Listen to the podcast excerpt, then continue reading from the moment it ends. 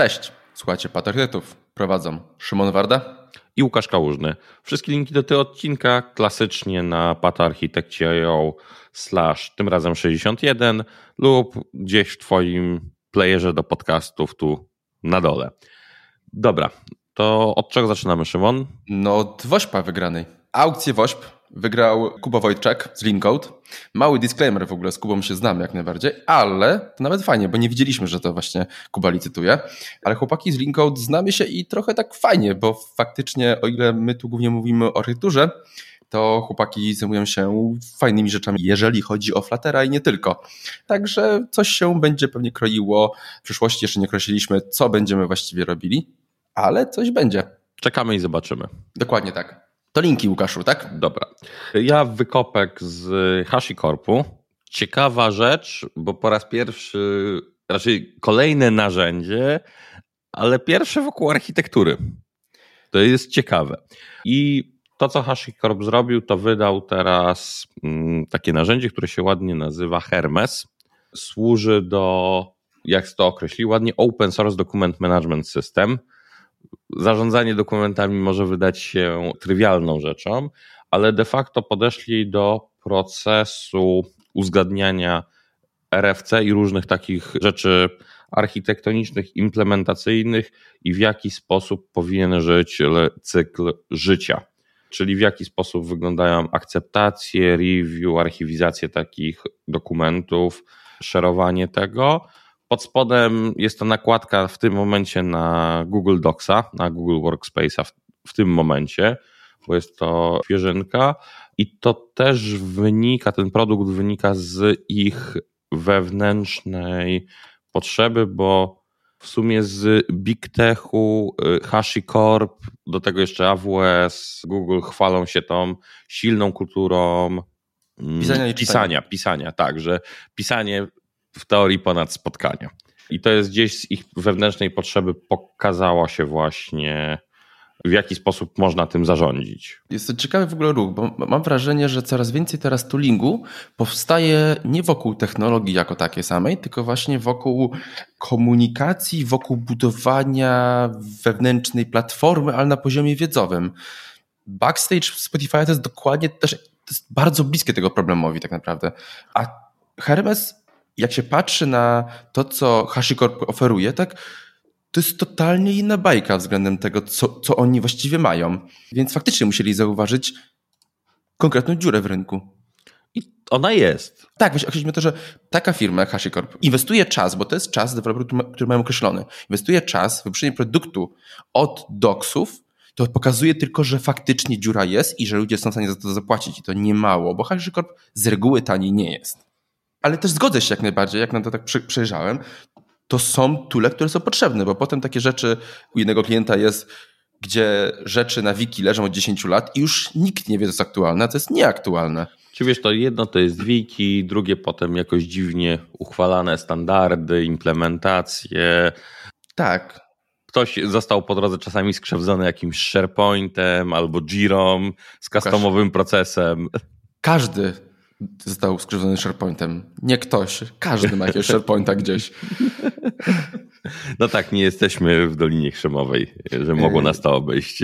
Tak, ale jak patrzę na to, to, to się ty mówisz właśnie, gadaśmy o RFC. Ja jeszcze, mi od razu wyszło do głowy y, RFP samo, jak to wychodzi, czyli proces akceptacji dokumentu, jak wychodzi na przykład gdzieś na zewnątrz, żeby mieć wszystkie aprowale, które musimy mieć. To znaczy, też jest bardzo ważne. Tak, ale skupmy się, że to jest pomyślane dla ludzi technicznych. To jest istotna rzecz. To nie jest management system. Moim zdaniem to, w którym kierunku zacznie to iść. Oczywiście rzucam kostką, ale to jest management system dla ludzi technicznych. A ja bym się z tym nie zgodził. Bo gdyby to był dla ludzi technicznych i gdyby to było pomyślane jako coś dla ludzi technicznych, to byłoby to na Markdownie, a nie w Google Docsach. Wydaje mi się, że jednak szerszy jest wiesz zakres. Co, jak popatrzysz, tak jak gdzieś tam porozmawia się zna ze znajomymi, to w wielu firmach tego typu pisanie króluje. Spoko, zobaczymy jak to się rozwinie, zobaczymy jak to będzie przyjęte. Ja widzę już, że pewne rzeczy chętnie bym to, czyli jako jeden proces wrzucił zdecydowanie. Podoba mi się zdecydowanie.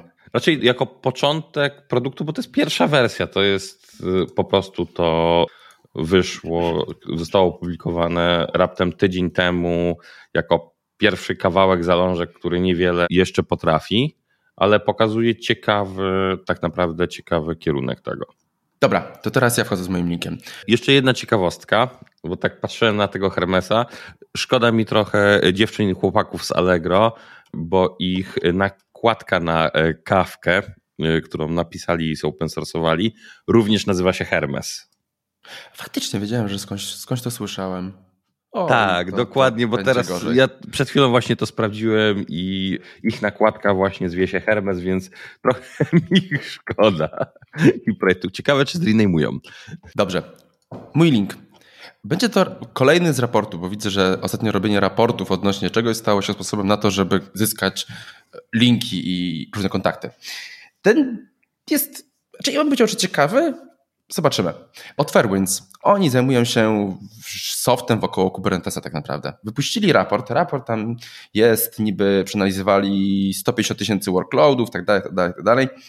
Okej, okay. ale jak ten raport przekartkowałem, to było, o Boże, tu nic ciekawego nie ma. Ale potem do niego wróciłem i pomyślałem sobie o tym, że de facto tą samą reakcję miałem, jak na przykład przeglądałem OWASP Top 10 jakiś czas temu parę lat temu de facto. To jest, o Jezu, tu nic ciekawego nie ma, ale to tylko pokazuje jedną rzecz. Że de facto czasami oceniamy nasze klasy, że o Jezu, nie ma X, Y, Z jakiejś technologii albo czegoś nie adresujemy, a okazuje się, że de facto, że baseline jest zupełnie w innym miejscu. A druga rzecz to jest to, że często jest łatwo pominąć to oczywiste oczywistości, typu na przykład w kontekście OWASP-a, SQL injection i te sprawy.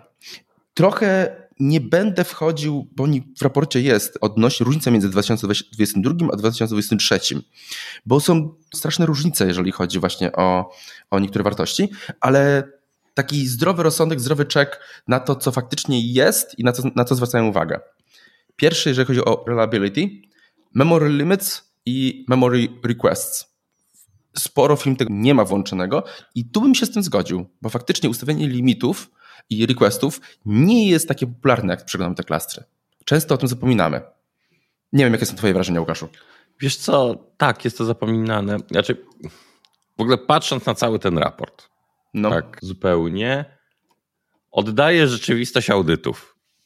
No właśnie tak, bo drugą pozycją jest brak liveness i readiness probów. No i przyznam się, że już dawno nie było takiej sytuacji, żebym ich nie widział w ogóle. Na przykład to z reguły występuje prawie zawsze.